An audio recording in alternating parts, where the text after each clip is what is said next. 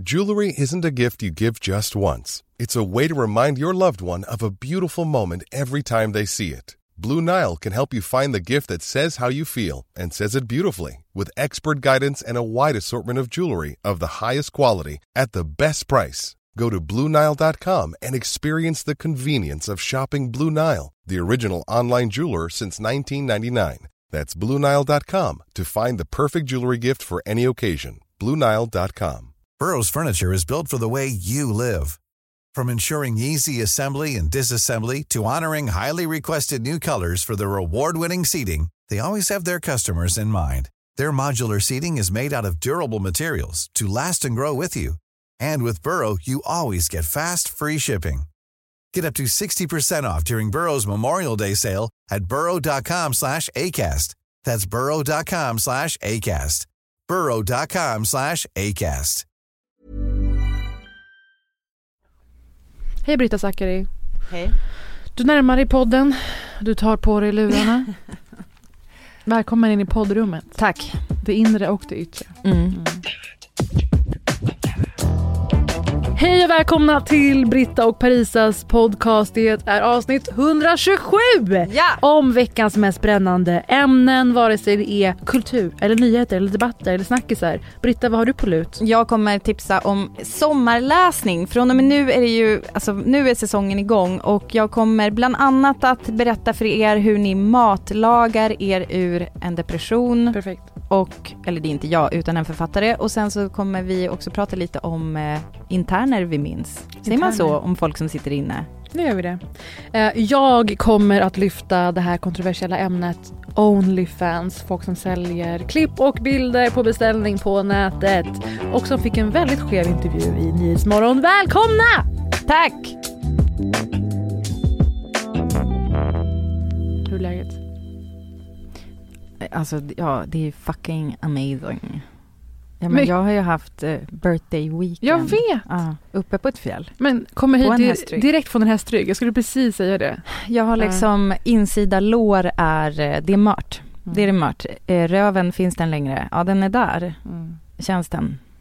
Helst inte. Det är det. Det Mm. verkar så romantiskt och härligt. Sitta på en vadderad... eh, Nej, nej, nej. Liksom, eh, men det är ju verkligen sitta på någons ryggrad i princip. Hur trevligt är det? Ja, men man sitter ju på en väldigt eh, ordentlig sadel. Mm. Den känns. Ja, Den har, jag har liksom ett, ett sadelformat märke i min röv nu.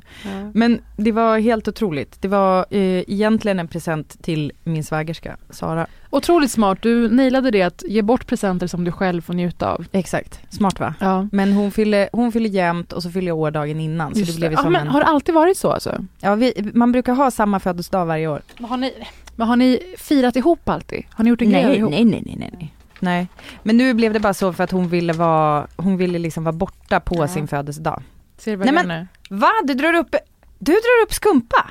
Alltså, jag har aldrig sett en person mer chockad. Din lilla, men Men det är ju för mig det här. ja jag förstår. Nej jag skojar. För ditt sommarprat. Grattis Britta Zackari! Smash i taket!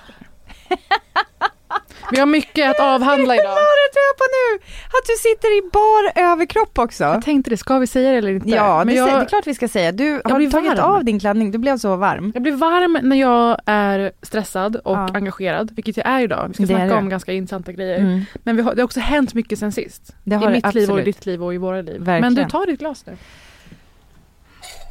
Men alltså det är väl, så vi skålar för eh, att jag har blivit äldre och visare och, eh, Jag Ja. skojade, det är det enda vi Sexigare. skålar för. Ja. och sen så ska vi skåla för ditt sommarprat också. Du, det finns saker att säga om det. Skål Britt, skål. Skål. Skål Britt Zackari. Gud. Eh, jag inser att du var och eh, lajvade i helgen. Ja. Jag förstår att det var det du gjorde. Det, du kallar det för live och sitta på häst. Alltså ja. att vara i verkligheten är live. Ö, Okej, vi- vi kan prata om det sen. du Parisa, men- lajvade medeltid, eller du lajvade Sagan om ringen med din älskade svägerska Nej, nej, Sara eh, Haag. Grattis till henne också. Vad heter det? Re, re, Red Dead Redemption typ. Det var lite fräckare referens, men jag håller med. Eh, men ja, även förra veckan så blev jag eh, attackerad i vår sms-tråd som du och jag har med eh, vår klippare Magnus. Mm. Alltså rightfully so. chockad. chockad att ni valde den approachen. Nej men alltså jag, vi, så här, vi blev lite sura, kunde du Mm. inte ha outat i podden? Eftersom pressmeddelandet om Mm. ditt sommarprat gick ut dagen innan. Sånt här har ju du koll på vanligtvis. Mm, och jag det. tänker att det var ett medvetet val. Det behöver inte ge oss det, absolut. Men det var, alltså känslor var sårade. Känslor var sårade, förtroenden som inte fanns om andra ord för att jag inte sa det till er. Förtroenden som inte fanns, för alltid. försvunna för alltid. Eh, ja. men jag, tänkte nog inte bara på det för jag mådde väldigt dåligt över det här. Mhm. Du vet ju att jag inte, inte liksom fläk eh, 365 dagar om året i min, i min bok. Jo, tack. Det är inte fläk som gäller för mig. Nej. Och får ett samtal från Bibi Rödö. Ja. Ja, det är hon som personligen ringer runt. Brukar du ens lyssna på Sommar? Ja.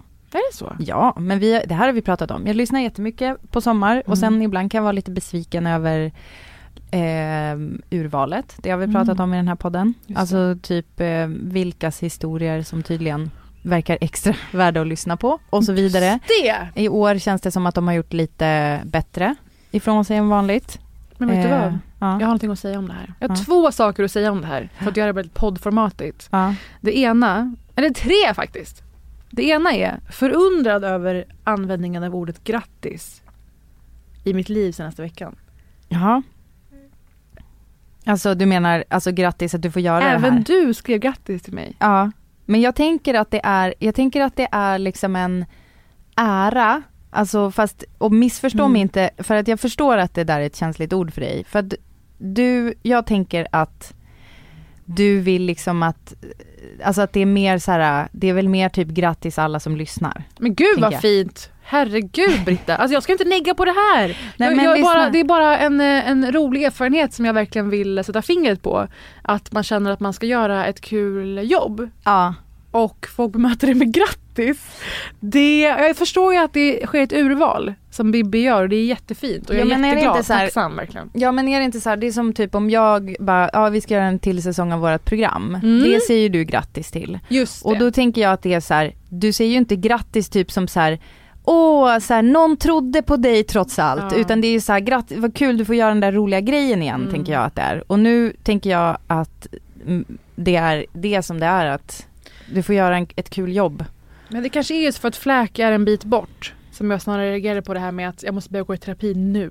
För att klara av det här. Men alltså obs, man behöver väl inte fläka? Du, Nej, jag du kommer kan väl... hitta min nivå av fläk. Ja, precis. Ni vet hur vi brukar eh, säga att vi inte är så intresserade av oombedda råd. Mm. I det här fallet, hit me with your best shot. Är det jag. sant? Alltså, dels du, men alla som lyssnar. Eh, ni är faktiskt välkomna att skriva till mig vad ni förväntar er eller skulle tycka om och höra mer om. Om det är någon aspekt av ens liv eller ens jobb eller någon fråga man har pratat om förut. För att allting är ju en röra när det kommer till en själv. Ja. Jag är ju otroligt blind vad gäller så här, vad skulle någon vilja höra om. Och det är en producent som kämpar med att dra det ur mig as we speak egentligen. Men eh, har du något på lut på, på rak arm? Mm, ja, men jag, jag tror inte att du kommer vilja att jag säger Du det. säger det bara. Ja, men jag tänker att eh, det finns sår eh, Mm. i dig som jag tror många andra delar. Eh, som jag tror eh, kanske skulle kunna sorteras för dig i din bok som fläk. Mm. Fast som också skulle kunna, tror jag, bli jävligt eh, bra också just när det kommer från dig. Som inte är så fläkig. Ja men det kanske finns saker som du har hintat lite om Mm. i podden. Mm. Som eh, man kanske, du har, kanske inte tidigare har varit redo att berätta hela historien om. Eller kanske Alltså, inte velat. Mm. Ja, men det där är intressant och jag tror att någon hel historia kommer nog inte bli. Någon självbevarelsedrift, eller det har Mm. väldigt mycket av tyvärr.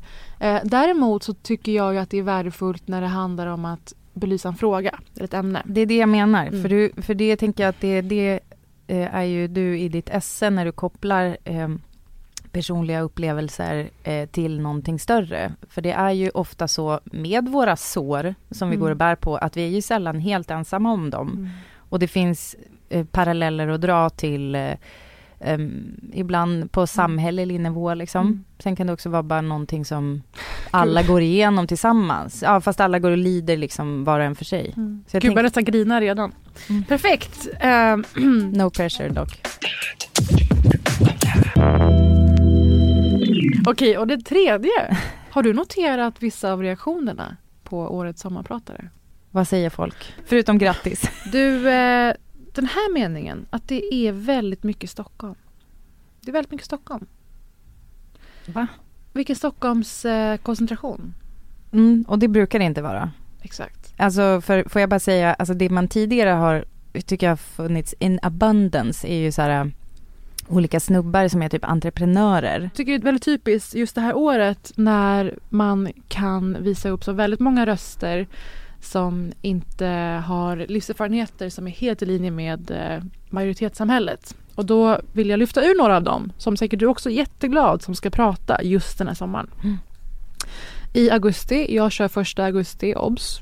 Gör vad ni vill med den informationen som jag sagt redan. Mm. 7 augusti Tusse. Vi har 15 augusti Gisem Erdogan. Ja, Hallå! hallå. 20 augusti Selam Fesai. Berätta Britta, vem är Ja, det? alltså, nej men alltså, eh, hur ska jag ens koka ner det? Alltså modeskapare, eh, golvade, liksom smällde till i, på modeveckan för kanske eh, tre år sedan skulle jag Mm. vilja säga. Och det var, alltså det gräts för att det var så bra. Och sen dess så har ju hon klätt, eh, ja, Megan Thee Stallion, eller hur? Jag kommer inte ihåg. Beyoncé. Beyoncé. Mm. Beyoncé också. 2 juli Ami Bramesi, poddare och journalist. Vi har även i juli Nadim Ghazal, polis, väldigt känd profilerad.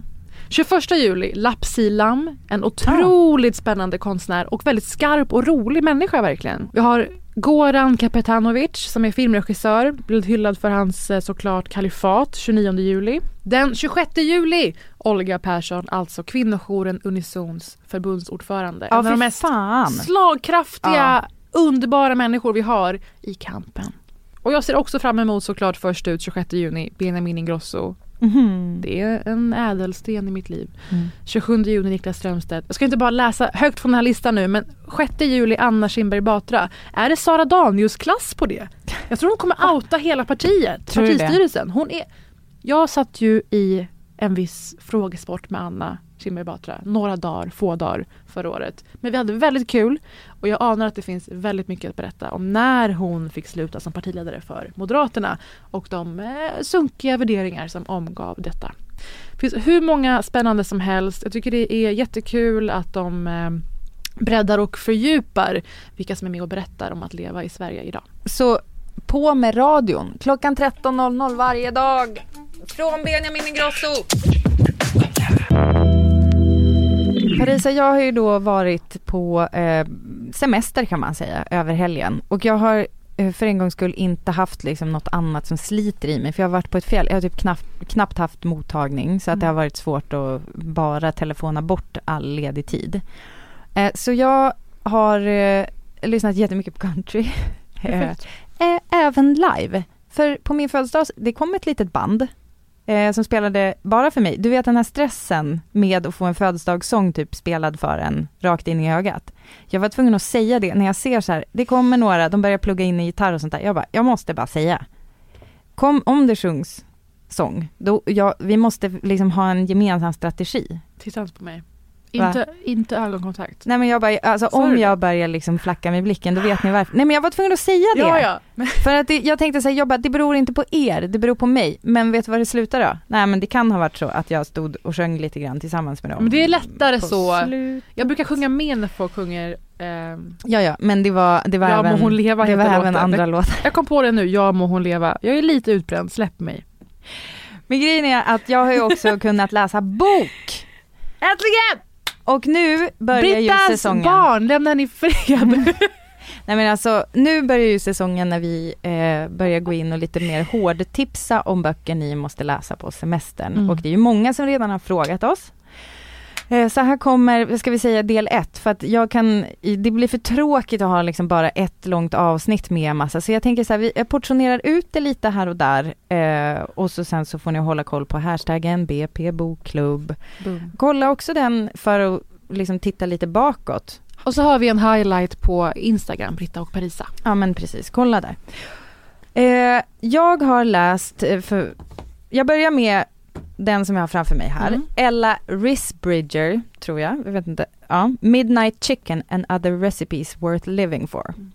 Det är något så märkligt som, och det säger, eh, vad sägs som en liten blurb av Nigella Lawson på, på omslaget. Eh, Min våta dröm. Alltså hon skriver att det är svårt att säga vad det är. Det är en kokbok men det är liksom också en manual för att leva och liksom ett att den innehåller en hel del hopp också. Gud vad roligt! Fritt översatt av Men- Nagellas. Kreativa kokböcker som angränsar andra genrer. Alltså, Är det det? jag vill säga, och nu är ju jag partisk, men jag vill säga att Lotta Lundgren är ju på det här lite grann, i, inte minst i eh, tio lektioner i matlagning, Mm. Tror jag det är. Jag tror att det är så pass legitimt att du inte uppfattas som partisk när du hyllar Ja men exakt, för att liksom, det är som att hylla, det, ja, inte fan vet alltså, jag, det är som att säga kungen är bra på att inviga saker. Ja. Alltså det är så här, Ja. ja, det, vi har sett att det har hänt.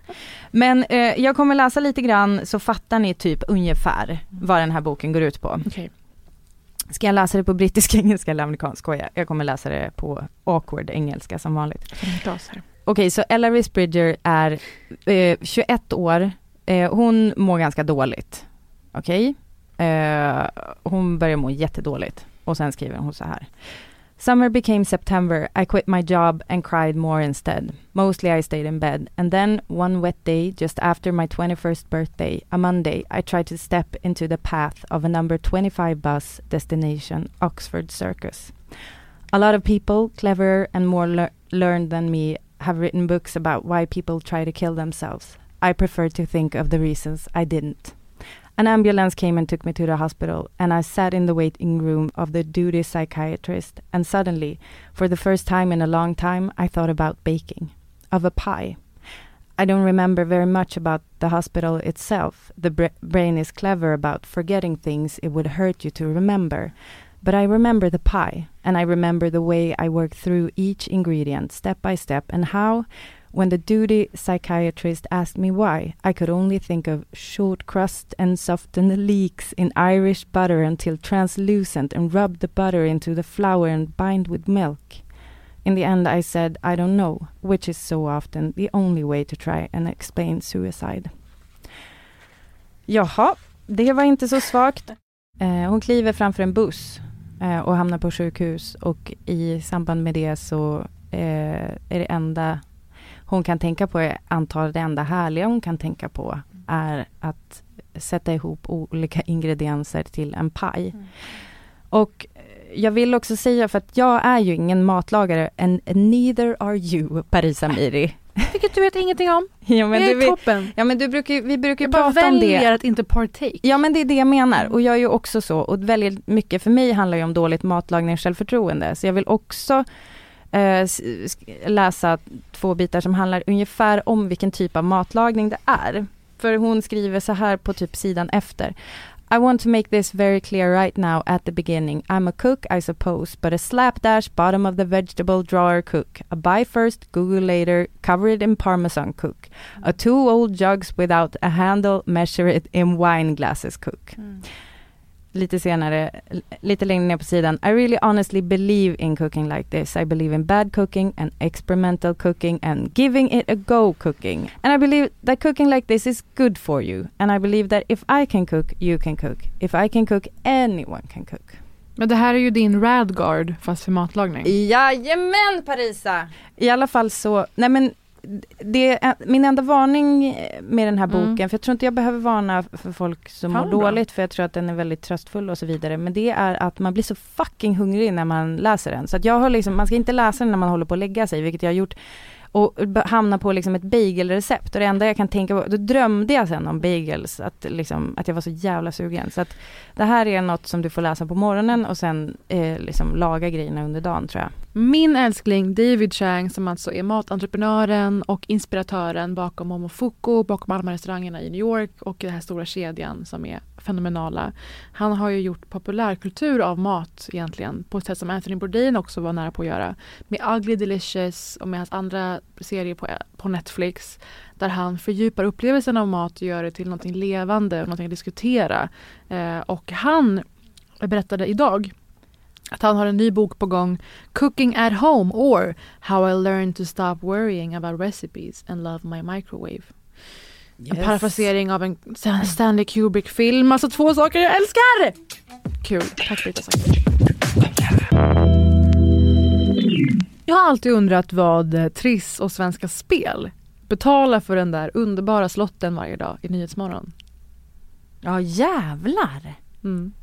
Och det Tänka är, sig! men det är en av de finaste inblickarna i vardagliga, vanliga svenskars liv. Ja. Vi får träffa så många vanlisar i Nyhetsmorgon Ja. genom den här slotten. Ja. Folk, det är väl enda gången man typ får se folk som inte brukar vara i TV, ändå Exakt. vara i TV. Det Med är det- studio, smink och allt. Och det är så fint.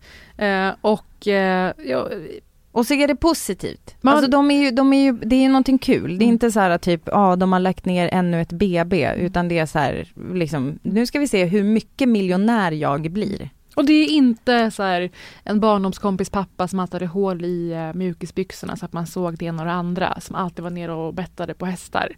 Och hon kom hem och åt middag hos oss. Du menar det är en fräsch sida av spel? Det är en polerad sida av spel. Mm. Inte ens en fräsch utan det är en polerad sådan. Och det, man har undrat det över åren. Vad fan, hur ser den här fakturan ut egentligen? Alltså vet du, jag har vi? aldrig undrat det, men jag känner mig extremt dum Mm. nu. Hör av er om ni vet, någon gammal marknadsperson på TV4.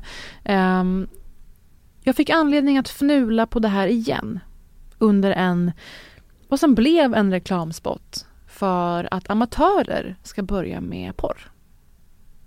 På Nyhetsmorgon i helgen. Berätta om din blick. Eh, den, då ska vi se. Är mina ögonbryn uppe vid hårfästet? Mm. Ja. Det är skönt. Mm. Där, där kommer de... Jag tolkar, med min emotionella intelligens, tolkar jag det som att du är chockad, nyfiken, vill veta mer. Alltså jag är allt... Alltså, här kommer alla känslorna på en och samma gång och det är nyfiken och det är intresserad, det är förvånad. Nej, nästan Britta. Mm. Ja, eh, det förekom någon slags reklam för det. Eh, och eh, inte vilken tjänst som helst, utan den som heter Onlyfans. I och med en ny dokumentär kring de som eh, säljer sexuella bilder och videos, eh, som vissa har beställ- beställt dessutom. Det kan komma specifika önskemål från de som följer dig på den här plattformen.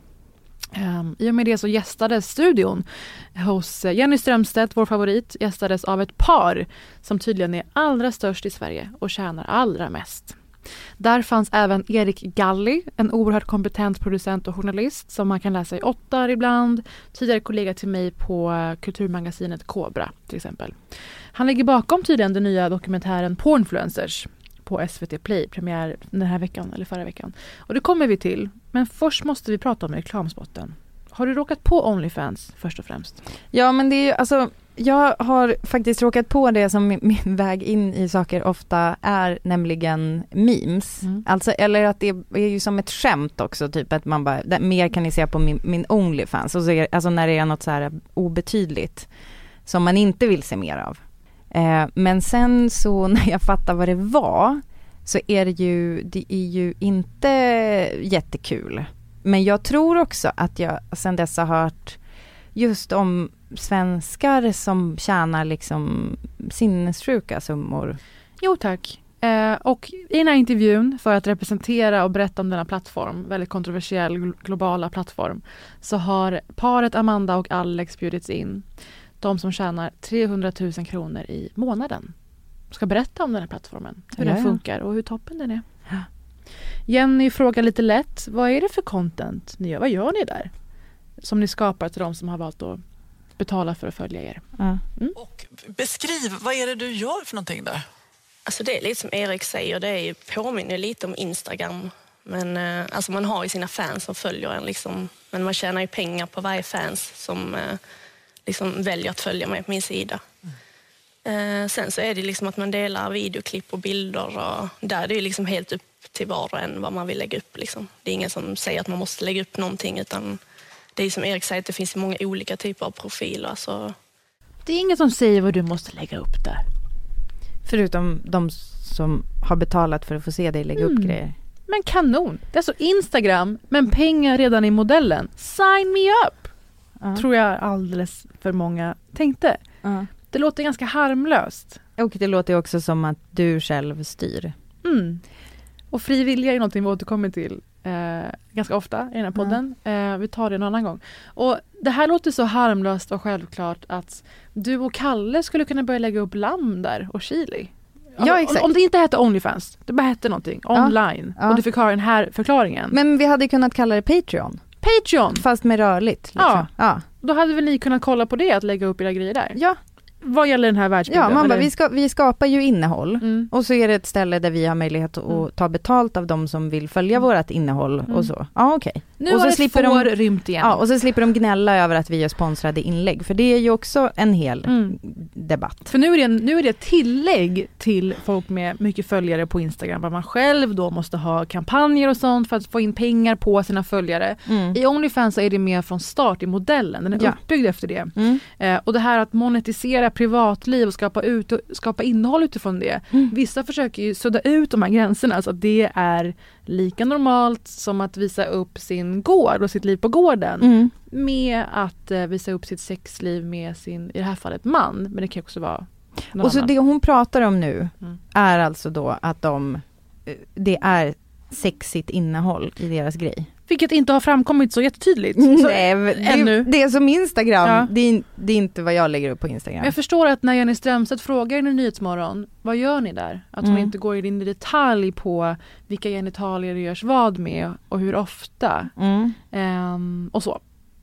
Men för journalistikens syfte så hade det varit bra om det hade framgått. Det framgår inte här vad man möts av när man går in. Alltså vad är det mest sedda generiska materialet? Mm. Vissa säger ju så här, det finns andra profiler där som håller på med typ träning eller med Det är ju undantag. Kan vi sluta prata om undantag när det är liksom ett större forum vi diskuterar, vilket i det här Mm. fallet är folk, privatpersoner som man kan beställa sexuellt innehåll av och den gråzon det skapar. Mm. Eh, och än så länge, så här långt i intervjun, ingen som är stressad på Onlyfans kontor. Nej. De klagar inte. De har den bästa dagen på länge. Eh, och speciellt när hon får in den kanske största uspen och som är så grundläggande i varför så många kvinnor, är det ju framförallt, väljer detta. Tror jag. Man kanske inte vaknar med driv varje dag att nu vill jag exponeras.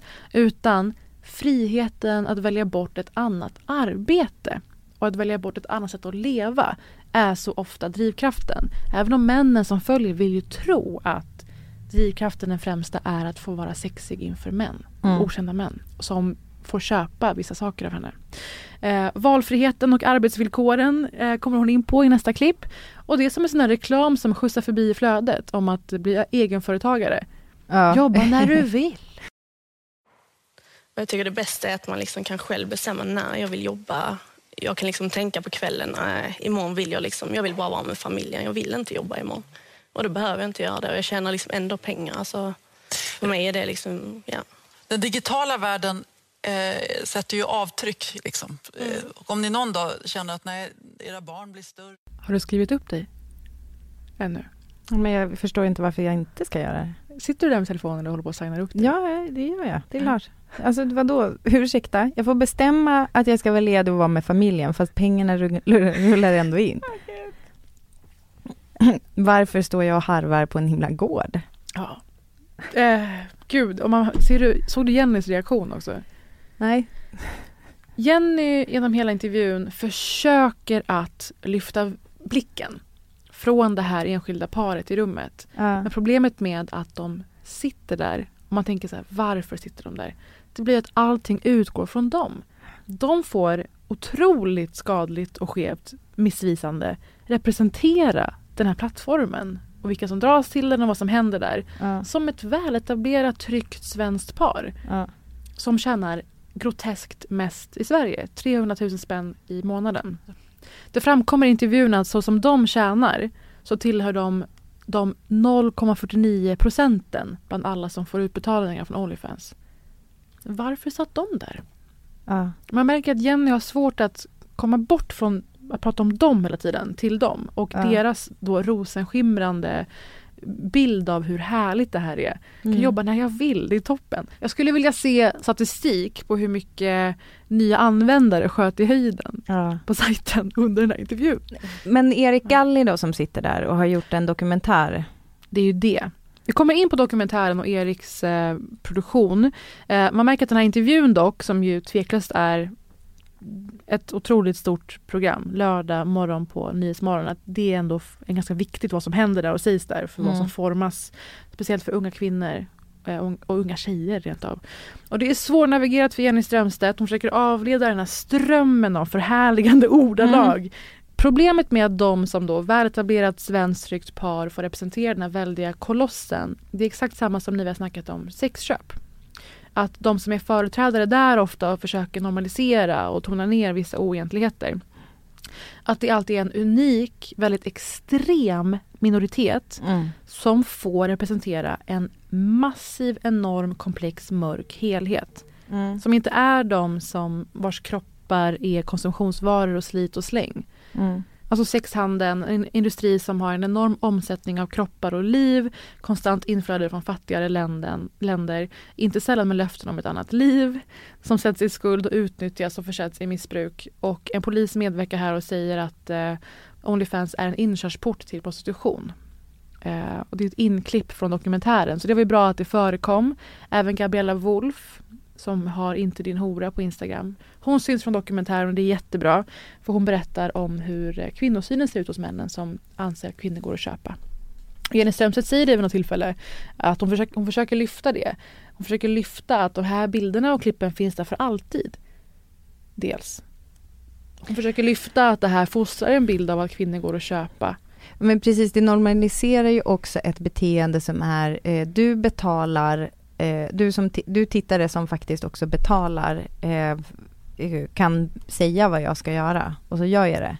Eh, även om det inte är prostitution, eh, alltså någonsin, att man kanske då per se liksom träffar någon och utför den här sexuella handlingen, så är det ju ändå, det är ju under den principen Mm. som man, tror jag också på något sätt isar into för sig själv. Mm. Alltså om, du, om det är det du gör och också om villkoret för att du är där och tjänar de här pengarna är ju att du bjuder på ett visst innehåll. Mm.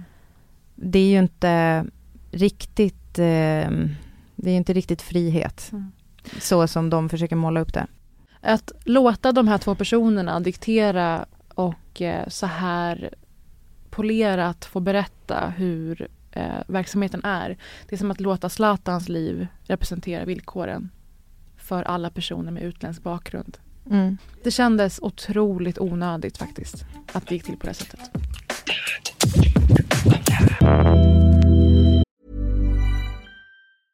I'm Sandra, and I'm just the professional your small business was looking for. But you didn't hire me because you didn't use LinkedIn jobs. LinkedIn has professionals you can't find anywhere else, including those who aren't actively looking for a new job but might be open to the perfect role, like me. In a given month, over 70% of LinkedIn users don't visit other leading job sites. So if you're not looking on LinkedIn, you'll miss out on great candidates like Sandra. Start hiring professionals like a professional. Post your free job on linkedin.com/people today. Planning for your next trip? Elevate your travel style with Quince. Quince has all the jet setting essentials you'll want for your next getaway, like European linen, premium luggage options, buttery soft Italian leather bags, and so much more. And is all priced at 50 to 80% less than similar brands. Plus, Quince only works with factories that use safe and ethical manufacturing practices. Pack your bags with high-quality essentials you'll be wearing for vacations to come with Quince. Go to quince.com slash pack for free shipping and 365-day returns. En annan person som jag verkligen tror tycker att det var, blev en ganska ensidig, onyanserad eh, intervju trots att de lyfte in andra klipp är nog själva producenten Erik Galli som är väldigt noga med att belysa just den här eh, skuggvärlden på något sätt. Ja. Som också förtjänar bevakning, journalistik. Men det är ju konstigt att han inte hoppar in där när de sitter och, och pratar om det här som att det är, eh, Fast det är bara deras- är världens bästa jobb och man får jättemycket pengar. Men det är ju deras verklighetsuppfattning och det är det jag menar med att de borde inte ha varit på plats. Eh, men Erik får ju vissa frågor av Jenny och svarar jätterelevant på det om att det är ett problem med att minderåriga lockas in i det här, att alla inte tjänar lika mycket pengar som de här två gör. Det är jättebra när han väl får säga det. Mm. jag menar att de två borde inte ha suttit där i rummet. Spela upp ett klipp med dem, absolut. Men sen kan ni ha med någon från Talita, organisationen som ska hjälpa kvinnor i prostitution. Mm. Och Erik Galli och kanske någon som, eh, en, en polis säger vi. Mm. För det är så pass stor samhällsfråga. Jag tror ändå att man undrar när man lyssnar på det här, Mm. säger de, alltså har de liksom pornografiskt innehåll på sin Onlyfans? Tack för att du frågar det. Ja. För nu tänkte jag berätta lite klipp ur dokumentären där de också förekommer ju väldigt stor utsträckning. Just de här Alex och personerna. Amanda. Mm. Eh, här kommer lite klipp från dokumentären som jag vill lyfta. Den visar några fler eh, olika sidor eh, av den här frågan. Eh, och en intressant aspekt är ju såklart vad de visar och varför. Och jag tycker att det är lite intressant också vad gäller motivation, hur hennes man beskriver henne som en affärsmodell. Här kan du lyssna. Det funkar ju inte för alltid. Ska vi inte ta det här och liksom hoppa över Ja. många steg i livet, liksom, många ekonomiska steg? Nej, vi tar den. Mm. Alltså en riktigt bra månad så kan det ligga runt 300 000. Men då är det liksom sammanlagt. Eh, jag har ju några andra sidor också. Filmerna man eh, skickar ut det är de som ger de största pengarna. Liksom. Det är där jag tror säkert typ eh, 70 procent av alltså, pengarna man drar in kommer därifrån. Liksom. Jag tror att det börjar med att man ser henne på Instagram kanske. Och sen blir man lite besatt av denna människan. Man vill ju se mer. För jag tror de du går in och ser direkt, aha, du får se allting. Äh, det är inte så spännande längre. När du hela tiden blir matad med liksom, åh jävlar vad snyggt, bara, jag vill se mer. Sen så känner man att de blir mer och mer lär känna henne och så blir det mer en, det blir bättre, det blir lyxigare grejer tror jag. De byggs upp ett för- sorts förhållande kan man säga. När Onlyfans kom så gav det liksom en möjlighet till att kunna mer vara egen företagare. Liksom jag kan, det är ingen som styr mig dit, jag bestämmer själv vad jag laddar upp. Och det är ingen som äger mig tjänsten på samma vis. Liksom. Ja. Vad såg du precis? Om vi säger så här, blurren gick varm på SVT eh, för att kunna visa det här materialet överhuvudtaget. Det känns ju också så här, touch av läskigt att hennes snubbe pratar om henne på det där sättet, alltså som att eh, jag undrar så här, vad har de för förhållande? För att det känns som att hon är främst varan som säljs. Alltså även i hur han beskriver det. Han beskriver liksom folks besatthet kring henne. Eh, och att han liksom fattar det, att man vill veta mer och, och alltså så här, den grejen känns också extremt muggig.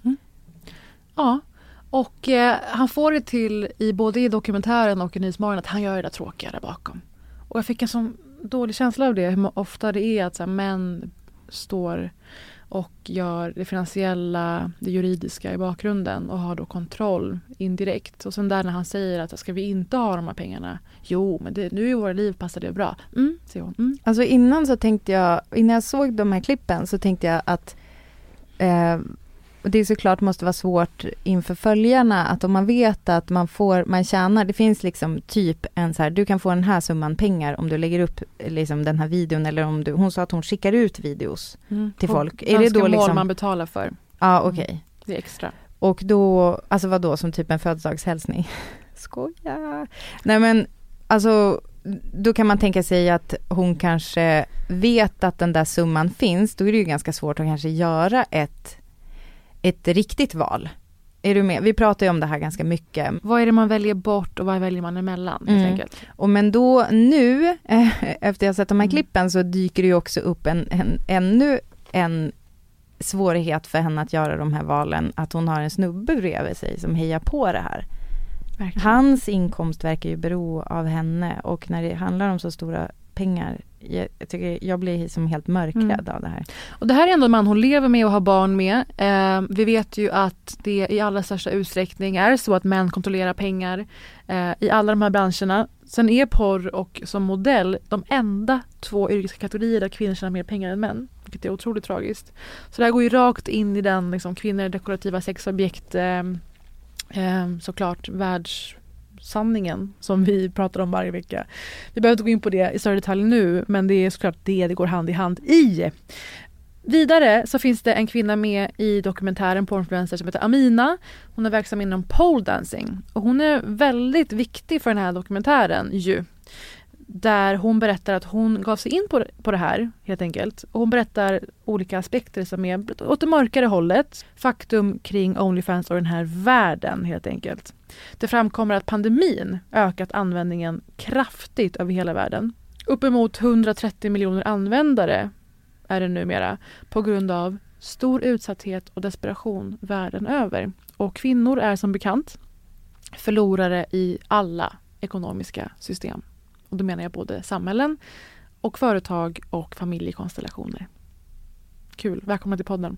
Här kommer nästa klipp med Amina som berättar hur hon drevs från pole dancing in i Onlyfans och att det inte var riktigt som hon trodde. Anledningen till varför jag började med Onlyfans, det var egentligen eh, på grund av pandemin. Eller det var uteslutande på grund av pandemin faktiskt. Därför att min inkomst då, eh, från i ett slag så gick det från normal inkomst till noll kronor. Jag hade liksom ingenting.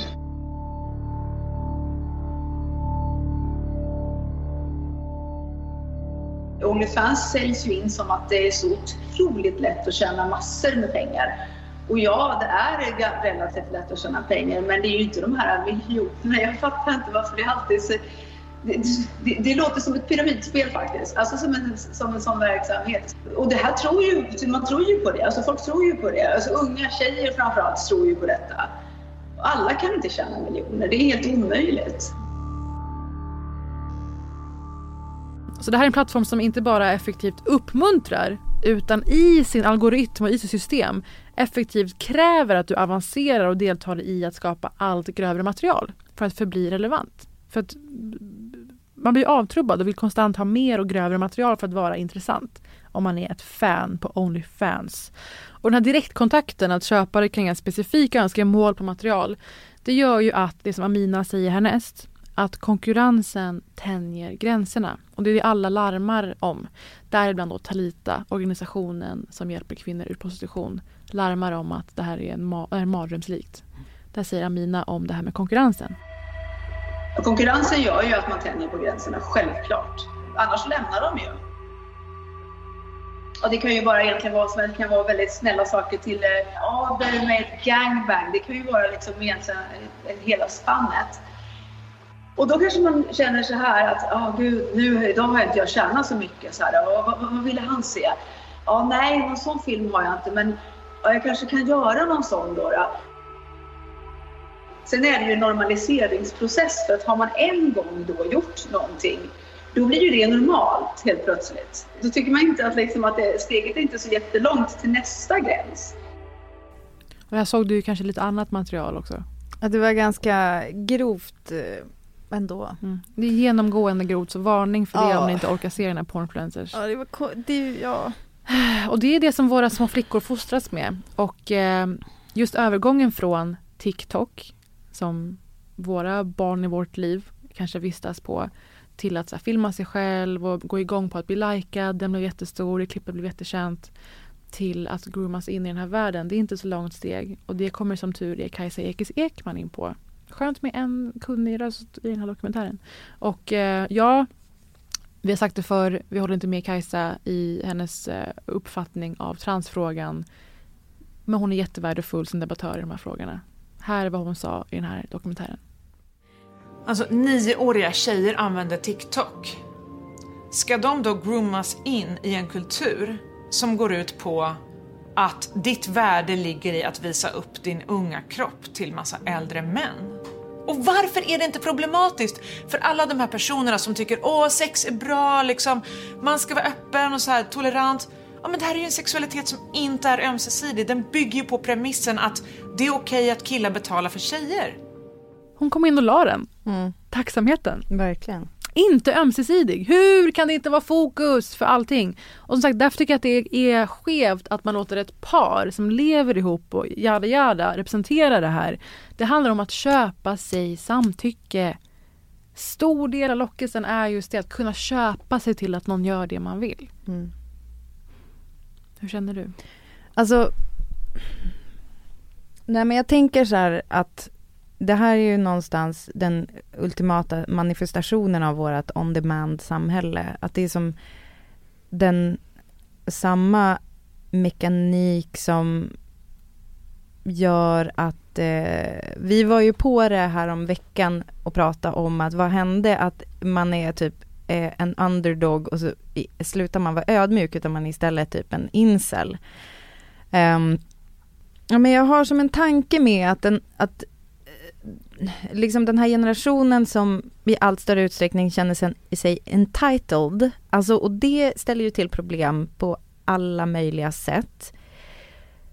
Eh, att man tänker att det är, alltså verkligen så här typ kunden har alltid rätt, liksom upphöjt i tusen. Mm. Att man tänker att allt ska utgå från mig och jag ska kunna kräva och så vidare.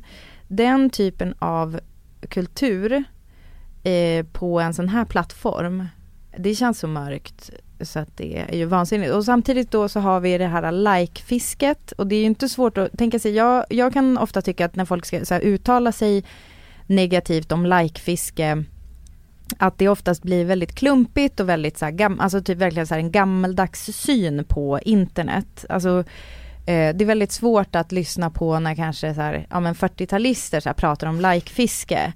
Eh, men när, det nu, när vi nu är i ett läge där man ser ju till och med redan på Instagrams algor algoritmer så bygger ju det på att man hela tiden postar nytt och att det är så här stor engagement liksom i ens poster. Om ni undrar varför folk skriver vad ska ni göra i helgen så kan jag berätta att det kanske inte är jättemycket för att de undrar. Vilken är din få... favoritrestaurang i Stockholm? Ja, det är kanske väldigt mycket för att få, alltså få det där engagemanget som gör att man syns till fler och så vidare. Och, eh, och jag bara tänker, att lägga det beteendet på en sajt där det då faktiskt inte finns någon gräns för var, hur grovt det kan bli.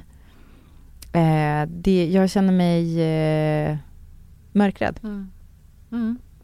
Och eh, ytterst handlar det här om varufieringen av kvinnors kroppar och kvinnors liv. Det handlar om kommersialiseringen av kvinnor för att det är kvinnor. Och jag saknar att man pratar om varför det är framförallt kvinnor.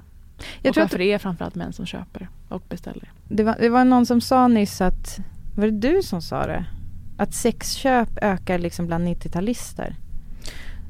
Det tror jag kan ha varit Nina Rung eller Ida Östensson. För det ja. slog ner som en bomb. Ja men det var någon annan, mm. någon runt mig som bara la den faktan alldeles nyss. Alltså det, 90-talister är liksom, står för typ den största ökningen av sexköp. Och det är ju eh, säkert många som lyssnar på det här söner.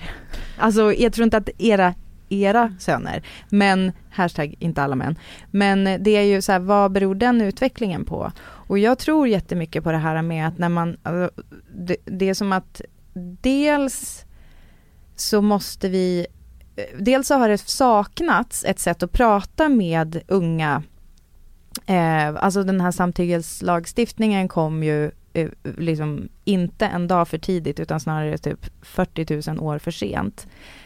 Och att det, det samtalet måste vi ha mycket, mycket tidigare. Och den här tjejen, Amanda, eh, som satt i Nyhetsmorgon, jag kan tänka mig att hon, eller så här, den här tjejen, Amanda sa ju inte det, men jag kan tänka mig att andra skulle mycket väl kunna så hävda att jag, ja men det är mitt sätt att tjäna mina egna pengar på någonting som typ någon annan eller liksom ett stort bolag eller någonting sånt där annars skulle tjäna pengar på. Men det är ju just den där grejen då att man kanske pushas, alltså vad, liksom vem vaktar om ens gränser när hela eh, när hela modellen går ut på att du ska hela tiden producera nytt. Mm. Och i och med det oftast så innebär ju det att också höja stakesen på något sätt. Det här är en eskalerad kapitalism som kommer i brytpunkten av tech, som kommer i brytpunkten av en hypersexualiserad generation, som kommer i brytpunkten av eh, att det har skett en jättelobbyism kring de här frågorna de senaste åren. Därför jag pratar om sexarbete med avsmak det man gör här är att man köper samtycke och det Kajsa Ekis säger, det finns en, en intressant grej där. Hon säger ni som pratar så mycket om sex och att det är så positivt och så bra. Hur kan ni inte se att det här inte är ömsesidigt? Och där tror jag att det ligger väldigt mycket.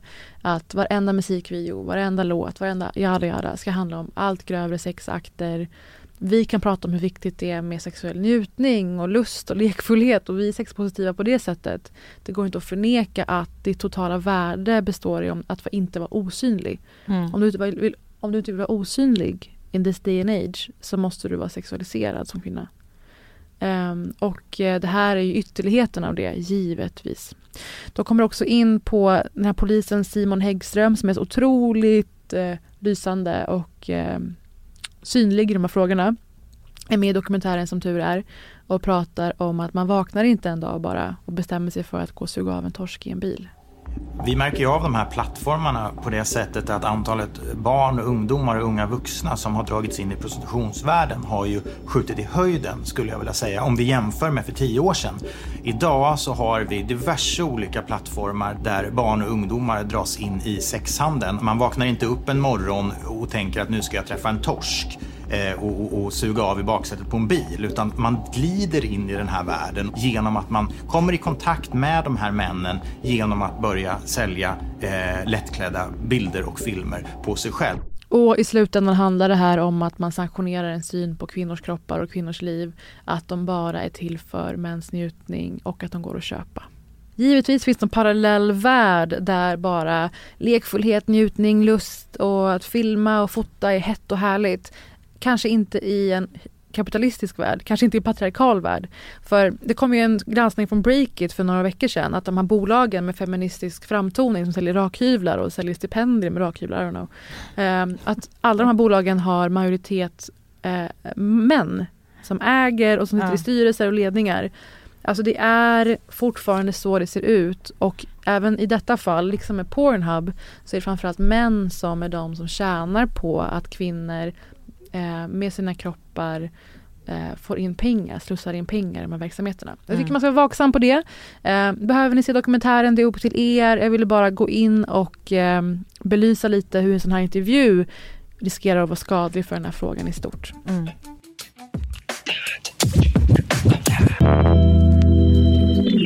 En annan bok som jag kan tipsa om. Ja. Eh, det började så. Jag vet inte, har du hört talas om Joan Didion eller? Du menar Janne?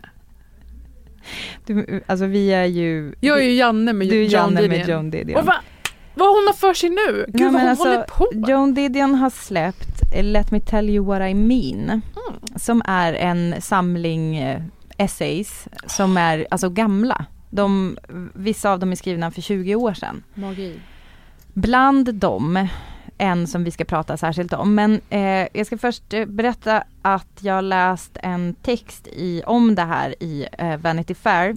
För er som inte är Janne med Joan Didion så kan jag berätta att eh, Joan Didion har varit verksam som författare och essayist, Mm. säger vi det, eh, i, ja, är det ett halvt sekel typ. Alltså på tiden det gick att leva ett glamoröst liv bara på att skriva reportage var sjätte vecka Ja, i Vanity typ. Fair. Det är bisarrt verkligen. Verkligen. Mm. Och eh, hon har ju bland annat skrivit den otroliga The Year of Magical Thinking som handlade eh, som handlar väldigt mycket om Mm. sorg. Alltså ett liv med oöverträffad tragik nästan. Verkligen, Känner man ibland när man läser om verkligen. henne. Kelsey Grammer har också haft väldigt mycket dramatik. Alltså Frasier. Frasier. Men det har varit allt möjligt. Mamma dog och systern dog och den var inte hans mamma och det var hans. Alltså det är helt otroligt. Och hon är nästan på den nivån. Ja. Att hennes man dör och hennes Dotter. barn, hennes dotter Ja, dör. Quintana Quintana Roo.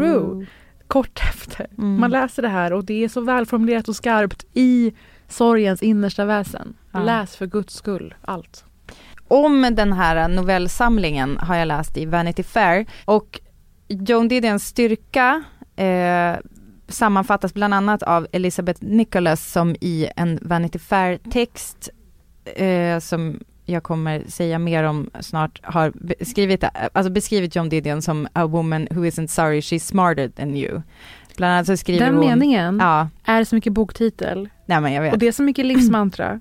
Och det är så mycket det ena och det andra. Vill bara landa i den lite. Så, fortsätt. Hon skriver så här, she does, she, alltså om Joan Didion då, Mm. skriver hon det här. She doesn't try to sound dumber or happier or kinder than she is. The accidental feminism in her prose is that she doesn't care if it makes you like her, and so you do.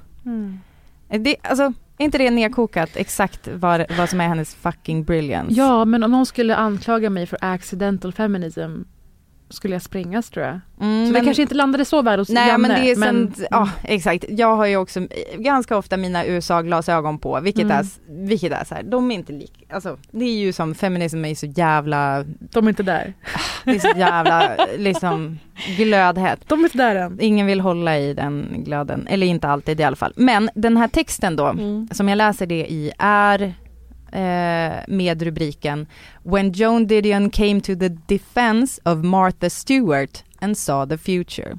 Den handlar då om en av novellerna i den här samlingen, eller en av essäerna kan man säga.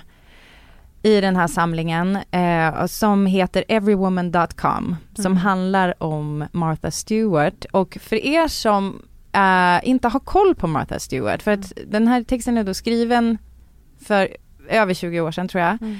Och eh, Martha Stewart hade ju en liten, ett litet speed bump efter att Joan Didion hade skrivit den här texten. Och det var ju att Martha Stewart som då var en jättestor, alltså typ Oprah magnitud nästan. Ja, med... fast snarare nästan eh, Helylle Malou, Tina Nordström. Ja, Ma- mat exakt. och heminspiratör. Mat och he- alltså verkligen så här eh, massa tv-program, eh, en, två olika tidningar, Mm. tidskrifter. Eh, hon sålde också sina egna typ eh, produkter på Kuddar Kmart och- ja, ungefär. ja. Och eh, sen så åkte hon in i finkan. Eh, Säg inte till mig att det var 20 år sedan. Eh, nej, du men- sitter inte och säger till mig. Nej, för då är jag 100 år gammal. Nej men alltså å, åka in i finkan gjorde hon ju lite senare men Mm. den här texten är skriven för 20 år sedan och sen efter det så eh, Men Martha Stewart åkte in i finkan famously wearing a pair, vänta Hon hade ju, det som jag minns starkast av det var att hon hade på sig läderbrallor och vinkade glatt när hon gick in. Alltså ingen har återhämtat sig bättre från en fängelsevistelse. Nej. Hon, det lyfte henne. Och obs, det var, det Hon var för... ASAP Rocky. ASAP Rocky har ju verkligen kapitaliserat på sin jävla misshandelshistoria. Visst att jag satt i Nyhetsmorgon och eh, vad det nu var och pratade om oegentligheterna och det ovanliga juridiska kring det, det förfarandet. Men nu när han släpper en dokumentär om det som att han är en krigsfånge, då känner jag att han har gått för långt. Side note. Underbar side-note. Eh, men nu ska vi se, Mar- Martha Stewart, jag måste bara kolla när hon åkte. Jag måste veta för jag fick sån ångest nu. Eh, ja, Martha Stewart åkte in i fängelse, eh, eller hon dömdes mars 2004. Det är typ 20 år sedan. Eh, men eh, jag jag lyckas inte 14. hitta bilden där hon poserar i läderbyxa. Men det var ju också för tax fraud ska jag säga. Det var inte liksom Misshandel. något- Nej exakt. Med sju kompisar mot en ensam person. Men alltså obs, vi tycker absolut att alla ska betala sin, sin skatt. Då har vi det sagt. Ja. Välkomna till podden. Jag har sagt det fyra Ehm. gånger nu, jag vet. Men det blir kul. Men i alla fall, alltså du hör ju, du vill ju läsa den här texten. Joan Mm. Didion som skriver om fenomenet Martha Stewart Mm. och också ser in i framtiden. Och det finns en massa andra texter i den här som är otrolig. Och eh, vill man inte, alltså det, det kan väl också passa på att nämnas då att eh, läs The Year of Magical Thinking om du inte redan har gjort det för det är Mm. också ett perfekt semesterläsning. Och det är liksom, det är inte så hemskt som man kan tro. Framförallt, först och främst så är det en jävligt bra bok. Det handlar också om kärlek och det handlar om familj. Alltså det, det är inte bara att hon vältrar sig i nuläget, vad som har hänt, utan det är att hon genom skrivandet upptäcker sina relationer, vad de har betytt för henne och varför hon sörjer dem. Mm. Det är ju eh, själva huvudsaken med sorg, att man det är ont för att man verkligen har älskat någon och behövt någon. Väldigt, väldigt fina. Nu kommer jag att tänka på en Garth Brooks låt. Berätta. Gråt, vi Så gråter jag nu. lyssnar på country hela, Ja, nu hela kör helgen. vi. Kör. Nej men den heter The Dance. Ja. Nej, alltså I'm glad I didn't know the way it all would end. Jag gråter The redan. way it all could go. Our lives are better left to chance. Could have missed the pain Jag that misstänker I had to miss. att vi kommer gå in i låt efter det här. Och ett outro Dance. möjligtvis. Grattis igen Holding Zackari. you. Ah. 39 år gammal.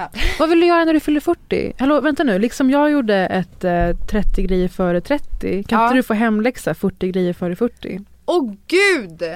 Som du etablerar kanske vid tre nedslag närmaste tiden eller något.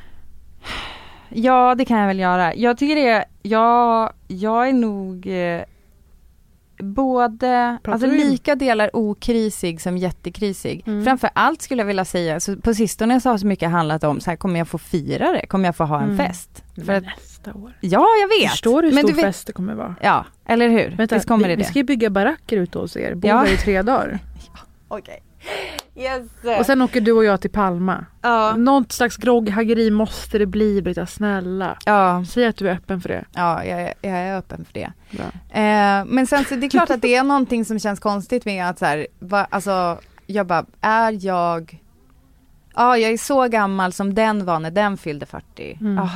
Okej, jag, är, jag är liksom den, alltså det känns helt främmande. Alltså Mm. just den där grejen med, jag tror att det blir extra tydligt också när man liksom har lite rynkor och så vidare och så bara, ja fast jag, jag är ju inuti, jag är ju exakt samma person som när jag var 15. Men så känner jag när jag umgås med säg Benjamin Ingrosso eller Oscar Sia.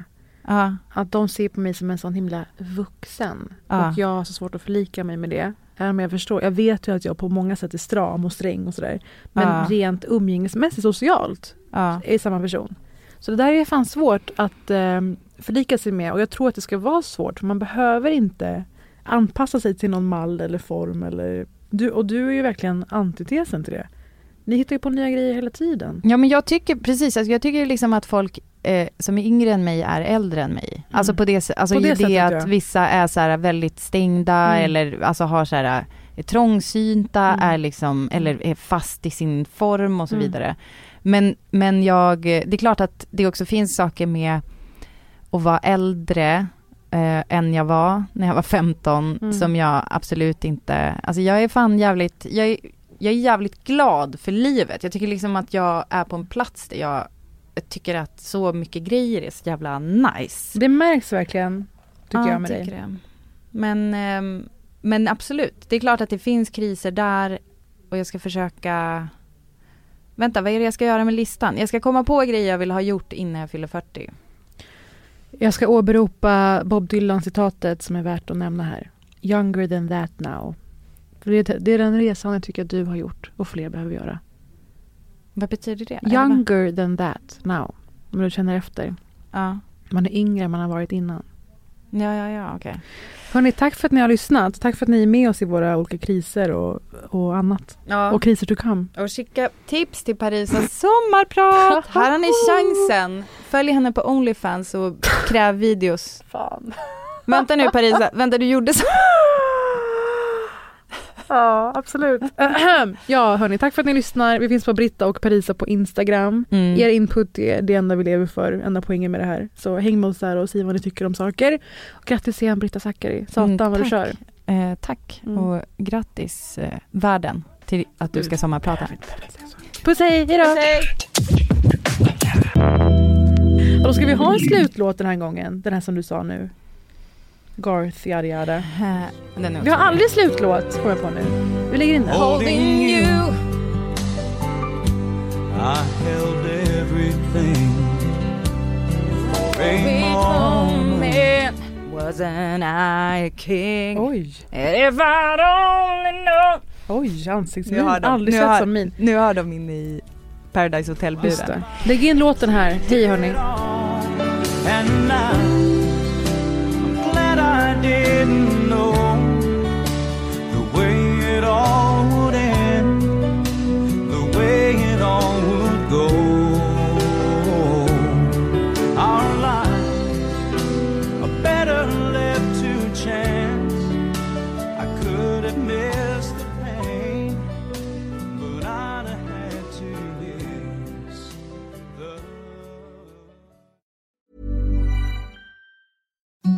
Imagine the softest sheets you've ever felt. Now imagine them getting even softer over time. That's what you'll feel with Bowl and Branch's organic cotton sheets. In a recent customer survey, 96% replied that Bowl and Branch sheets get softer with every wash. Start getting your best night's sleep in these sheets that get softer and softer for years to come. Try their sheets with a 30-night guarantee. Plus, get 15% off your first order at bowlandbranch.com. Code BUTTERY. Exclusions apply. See site for details.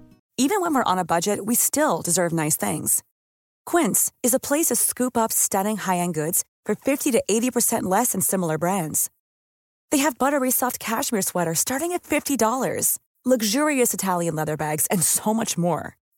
Plus, Quince only works with factories that use safe, ethical, and responsible manufacturing. Get the high-end goods you'll love without the high price tag with Quince. Go to quince.com slash style for free shipping and 365-day returns.